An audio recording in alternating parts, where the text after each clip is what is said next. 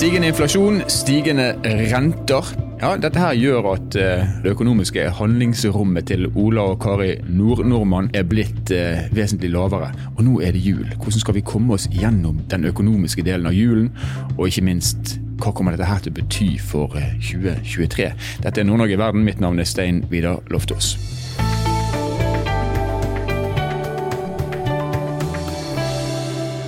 Dette er den søte juletid, i hvert fall normalt sett. Men i år så er ikke juletiden like søt, får vi et inntrykk av. Og nå har vi med oss Linda Tofteng Eliassen, som er forbrukerøkonom i Sparebank1 Nord-Norge. Og Linda, hvorfor kan man si at eh, julen i år er litt annerledes enn det den har vært mm. tradisjonelt? Ja, vi har jo med oss en bismak inn, og spesielt når du får sånn her varsel om at i dag er den dyreste dagen med strøm. I tillegg til at vi hele siden i vår har kjent på at matvarepriser, drivstoff, har økt, renten har økt. Det har vi jo for så vidt enda ikke kjent på, men vi har snakka om det. Så folk er nå ganske bekymra for januar og hele vinteren i seg sjøl, og det bakteppet har vi med oss inn når vi i utgangspunktet pleier å sette rekord etter rekord mm. I handling. Men har vi levd så nært eh, grensen av det vi tåler at eh, en høyere inflasjon og litt høyere strømpriser er det som skal til for at eh, hverdagen ser helt annerledes ut? I hvert fall føles helt annerledes ja. ut. Vi skal ha med oss at folk flest skal tåle den inflasjonen som vi har opplevd. Vi har jo hatt veldig god økonomi over lang tid og har lagt oss til gode vaner. Jeg har endra atferd annet, sånn at mye mer av det jeg tjener har jo gått til å handle. Når vi mm. ser på statistikk, vi ligger liksom nesten helt i verdenstoppen på eh, forbruk, og det har jo vært reise, det er fritid, det er egenpleie, det er klær, det er sko, veldig mye bolig som vi på en måte har med oss.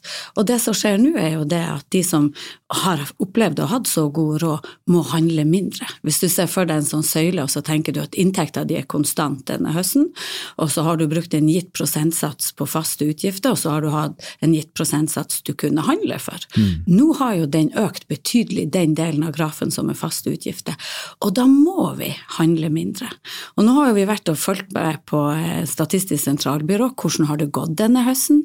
Fordi at en ting er det vi sier at vi gjør. Det er veldig mange som legger på bordet at jo, men nå kjører vi bil mindre, vi handler mindre mat. Altså det verste er jo liksom det at noen har Vi har slutta å gjøre en del ting med barna våre. For så vidt har vi jo kunnet gjort mye med barna, så det kan jo hende at noe av det er naturlig også. Eh, og så har vi sett på tallene samtidig. I desember gikk ikke varehandel ned. I oktober gikk den bare ned med 0,3, og det var nesten utelukkende drivstoff når man så på den. Sånn at jeg tror vi går rundt og kjenner og er litt bekymra, og så har vi kanskje ikke helt fått til å ta ned forbruket vårt. Mm. Hvis jeg spør folk rundt meg, så sier de jo det er noen ting vi hadde tenkt å handle. Nytt dusjkabinett eller garasjeport. Og så sier man det at det blir vi å vente med. Men ellers så kan det synes som at folk flest flest bruker like mye penger, og det er jo litt utfordrende med tanke på hva skjer med renta videre. Ja, og Da blir jo spørsmålet, for mm -hmm. hvis signalet er at vi har mindre penger og alt å bruke og alt er blitt dyrere, mm. men statistikken viser at vi kjøper like mye, hva er det slags penger vi da bruker til å kjøpe? Ja, eh, For det første så har vi jo egentlig greit med penger. Vi jo, har jo et greit lønnsnivå. Eh, og så er vi jo litt redd for at nå begynner vi å bruke bufferen vår. Ja. Når Vi spør, vi har spurt folk her nå i høst hva man frykter mest, og 40% av dem mellom 30 og 55 år, og det er jo egentlig da økonomien er heftigst når du har barn, de frykter uforutsette utgifter. Og for å håndtere uforutsette utgifter så fordrer det jo at du har litt sparepenger på si. Ja. Så det vi egentlig er litt bekymra for, for vi ble faktisk flinkere å spare under eh, pandemien, det er det at det er de pengene vi bruker opp. At folk ikke har begynt å overføre mer penger på budsjettkontoen sin, eh, men at de på en måte den blir tynnere og tynnere. Og da legger man seg kanskje om kvelden med litt sånn her uggen følelse for januar og resten av vinteren. Ja, ja. Hvis det da kommer uforutsette utgifter som du hadde mhm. tenkt mm. å bruke bufferen til, ja. så er det neste du da gjør, det er fort forbrukslån, kanskje. Ja. Og så er man inne i den eh, negative spiralen. Ja, for da blir jo vondt verre. Ja. Og så skal vi ha med oss, nå prater jo jeg litt sånn om, om, folk flest, som er majoriteten. Litt av det som er utfordringa med at vi har en inflasjon, er jo at vi til enhver tid har 10-13% av befolkninga vår som midlertidig eller på lang sikt har lav inntekt. Og for dem har jo den inflasjonen inflasjonen som på en måte starta tidligere i år, den er jo en kjempeutfordring. Ja. Jeg sitter jo med en følelse av at de har hatt det tøft, selvfølgelig, fra før av, fordi at vi har høy levestandard, høyt forbruk. Det har ikke de kunnet vært en del av. Så det var tøft nok, og for dem kan du si er det jo litt krise, når inflasjonen har gjort at priser har økt så mye. Mange av dem har kanskje ikke lån, så det kjenner de ikke på, men drivstoff og mat og strøm er utfordrende nok. Jeg hører når vi snakker at det her kan fort høres ut som at for mange av oss er det et ilandsproblem. Det er sånn, Vi kan ikke, kanskje ikke reise på, til Syden to ganger i året, vi må gå ned til én gang. Men når vi ser på statistikken fra Frelsesarmeen, fra frivillighetssentralene, fra matsentralene, så er det mange mennesker nå som åpenbart ikke har penger til altså tilstrekkelig med mat. Mhm. Hva, hva, hva vet vi om den økende fattigdommen i, i Norge? For det første så er det, virker det jo som, og jeg holdt på å si, det er jo nesten positivt all den tid vi vet at det alltid er noen som sliter. Så tenker jeg på det tidspunktet hvor vi så at disse organisasjonene var ute og sa at vi opplever en enorm økning. På det tidspunktet så hadde det ikke skjedd en ny stor økning, den kom jo veldig mye i, i vår. Så tenker jeg det at det at vi prater om disse tingene, at vi er blitt mye flinkere å prate om økonomi, gjør at vi har tatt ned terskelen for å faktisk be om hjelp. Ja. Og det er jo kjempeviktig og positivt for oss alle. Ikke minst så har dem som sliter, har jo unger, og det fører jo til en enorm utenforskap at man ikke får deltatt, at man ikke får spist det samme, at man ikke har matpakke. Sånn at det at man faktisk ber om hjelp er viktig. I tillegg er det jo et signal om økonomien vår generelt.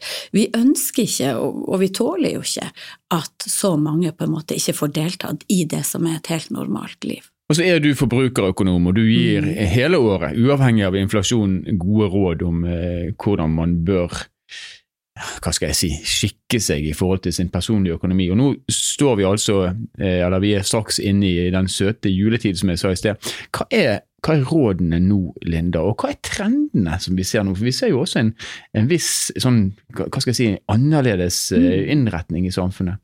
Hva, hva trenger vi å ta med oss nå inn i julen, og kanskje spesielt av de som, som føler på at de kanskje går en usikker januar i møte fordi at eh, pengene ikke helt strekker til? Mm. Jeg ønsker jo ikke, ikke bare vi som kanskje er litt bekymra for januar, men jeg ønsker egentlig at alle, jeg holdt på å si omsorg for å være solidarisk, men også av bærekraftshensyn, tar og roer litt ned. Når vi undersøker hva er det som er viktig jul, med jula for folk, så er jo det som er knytta til å bruke penger, det ligger jo kjempelangt ned på lista. Det er utrolig mange av oss som gleder oss mest til å slappe av, til å få bedre tid med unger og familie og venner, treffe igjen venner og, og ha det hyggelig. Eh, tradisjonene setter vi pris på, og da mat er viktig, det koster jo for så vidt. Men, mens det med gaver, det kommer kjempelangt ned, med mindre det er barn. Sånn at det er et eller annet med å stikke fingeren i jorda og tenke at økonomi handler om trygghet. Det handler om at de rundt oss også skal oppleve den tryggheten. Hvis at du var eh, min far og jeg kjøpte gave til deg for 500 eller 200, det vet vi jo, det betyr ingenting. Nei. Så hva om vi for det første tar kanskje og rydder litt i den gavelista, og så kan vi gi noen hilsener eller ringe til folk eller stikke innom folk i større grad. Og så hvis det skal være en oppmerksomhet, så kan det jo jeg holdt på å si, det kan jo også være noe vi har laga, eller det kan være en liten ting. Og så får vi ta vare på ungene våre så godt vi kan. Det vet jeg jo at de fleste vil prioritere. Og når jeg så Bymisjonen var ute, det var en fantastisk artikkel og sa det, at hvis at du kjenner at det er vanskelig å kjøpe mat og gaver til ungene dine, ikke nøl. Vi har begge deler, så ta kontakt, så skal vi hjelpe deg. Så er det en annen trend som vi også ser er økende, og kanskje ikke det er så rart, for det er et- gammelt ordtak som heter at den største gleden du kan ha, det er å gjøre andre glad. Vi ser at disse gavetreene som man, der man kan kjøpe en gave til en ukjent person og legge gaven under, og også dette med å, å kjøpe mat til de som trenger det via matsentralen osv., og er økende. Hvordan, for, de, for de som da sitter nå og føler på at dette, det er trist at mange kommer til å få det tungt i julen og har lyst til å hjelpe, hva gjør man da? Åh, det er jo utrolig mye hvis at man er i sosiale medier. Jeg bare scroller litt på senga som man av og til gjør i går. Mm. Og det er jo fantastisk mange. Det er alt fra privatpersoner som jeg tidligere så åpna opp hjemmet sitt. Vi blir bare tre hvis det er noen andre som har lyst til å komme og spise hos oss, og så dukker den opp igjen. Oi, det var ganske mange. Er det noen som kan hjelpe til så vi kan sørge for at de har gaver? Det jo alle organisasjonene som er rundt der. Så man kan jo på en måte rekke opp handa og si at jeg gjerne vil hjelpe, så jeg er helt sikker på at noen tar kontakt. Eller så kan man søke noen av dem som vi vet gjør det. Ja. Og sånn som i Nord-Norge så har vi jo matsentraler, vi har Bymisjon, vi har Frelsesarmeen rundt omkring på mange plasser. Mm. Masse arbeidsplasser også å samle inn. Ja. Ja. Ja, Det er en fin trend, og den eh, Mm. er vel kanskje viktigere enn noensinne. Vi må snakke litt om 2023, for dette, vi har Mm. allerede vært inne på det. Nå eh, står vi oppe i en, en dyrtid. Mm. Det er det mange som har eh, Det ordet har på en måte kommet inn som nytt i vokabularet vårt. Eh, Vi vet at den siste renteøkningen ennå ikke har trådt i kraft. Mm. Så for de som har lån, så vil lånene bli dyrere i 2023. Eh, Inn i 2023, hva er det vi, er det vi trenger å være obs på? Jeg tror nok at det vi føler nå, blir å vare gjennom neste år. Og hvis at du tenker på det, vi hadde en undersøkelse for så vidt før pandemien hvor man spurte folk hvor mange er det som styrer økonomien sin etter et budsjett, og da var det bare én av fire. Ja. Og det er litt oppsiktsvekkende all den tid du tenker at din privatøkonomi er din viktigste bedrift i livet. Det er jo ikke for at man er sløv, eh, det er rett og slett for at vi ikke har trengt det i Norge. Mm. Ikke sant? Du har fått lønn, og så har det vært penger. Når jeg spør folk, for nå prater jo jeg med økonomi med folk ofte, og så er noen som sier jo jeg er litt bekymra, så sier jeg men vil det si at du vet når du må trå på bremsepedalen, liksom hvor mye mer renteøkning tåler du, eh, må du kutte i mye ting, så er det veldig mange som fortsatt sier jeg er ikke helt sikker på det. Og da tenker jeg at det i seg sjøl er jo fryktelig ubehagelig. Og, og det å styre økonomien er det jo bare du som kan gjøre. Vi kan prate så mye vi vil om det, men det skjer ingenting med din økonomi. Og av erfaring, og de gangene jeg har hjulpet folk som det har blitt rot i økonomien, så er det det her å lage et budsjett. Lage seg en oversikt. Mye enklere i dag hvor vi har mobilbank og nettbank, å gå inn og se på utgiften. Mange nettbanker har jo allerede summert opp dette. Mm. Og så ser du de tallene, og mye er jo erfaring er jo at hvis du ser på inntekter, hvis du ser på faste utgifter, så er det mye som kommer til å tikke på plass. Det er helt sikkert noen som går rundt og er bekymra som ikke trenger å være bekymra. Mm. Og så er det helt sikkert mange av oss som gjør det regnestykket, og som på en måte ser det at oi, jeg må nok overføre mer til mat, mer til utgifter, og det vil si at det er noe jeg må gjøre mindre av. Mm. Og jeg tror det er vanskelig å gjøre mindre av noe hvis du faktisk har sett disse tallene. Så jeg ønsker meg jo at det er nyttårsforsettet til ganske mange, eller man kan bruke jula, det hørtes fryktelig kjedelig ut. Jeg tror vi kan utsette det til 1. eller 2. januar. Og så gjør man det regnestykket. Det her er liksom å hoppe over en episode av The Crown, og så setter man seg ned, gjerne sammen, og så gjør man det. Det er jo ikke som at hvis at du ikke ser på disse utgiftene, så er de ikke der. Og det er ikke noe fasit på hva som er rett og galt, for du kan bruke pengene dine til hva du vil. Men det her med å få den oversikten og ha den med seg inn i 2023, tror jeg er viktig, sånn at man ikke venter så lenge at man får et problem, som fort kan bli alvorlig for en familie. Og så for noen handler det om at ok, det er ikke så alvorlig for meg som jeg trodde, det her klarer vi å ha god kontroll på. Det er først når du har fått oversikten at du kan iverksette tiltak. det, ja. Så det å få oversikt over eh, økonomien sin og selvfølgelig ikke bruke mer penger enn man har, det er Ja. jo alltid en, eh, en gyllen regel. Ja, la oss si at uh, La oss starte der. Ja. Så, så får man i hvert fall eh, et grunnlag til å drive problemløsning på hvis det viser seg at du, du har et problem. Linda, hva skal du gjøre i julen? Eh, Jeg skal slappe av, Ja. jeg skal bruke tid med unger og venner, spise godt. Ja, jeg tror egentlig det er det. Jeg kjenner på omsorg eh, denne jula. Mm. Um, Så det tenker jeg er viktig. Ja. Ellers så tror jeg den blir litt lik sånn som andre ganger, men det jeg har færre jeg skal kjøpe gave til, som vi er blitt enige om. Som en konsekvens av tiden Ja, er ja. ja. Det er det. Og, og ikke nødvendigvis for at jeg ikke hadde råd, men også fordi at jeg tenker at det her hadde tatt litt av. Ja. Vi har- rota oss litt bort, og nå er det en gyllen mulighet til å rydde litt opp, og så lande jula med det den skal handle om. Ja, og Du går inn i julen med ro i den økonomiske delen av sjelen din, naturligvis som forbrukerøkonom. og vi, Uansett så ønsker vi deg en riktig god jul. Tusen takk, og i like måte.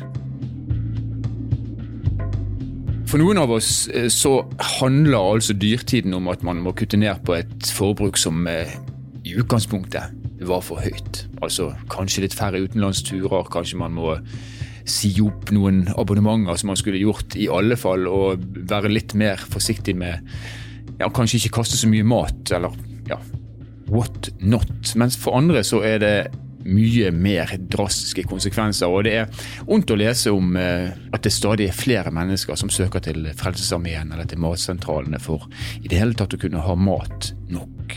Så dette her er en, en ny situasjon for, eh, for, oss i Norge. Eller ikke en ny situasjon, men det er i hvert fall veldig mange år siden sist vi har vært i en slik situasjon som vi er i i dag.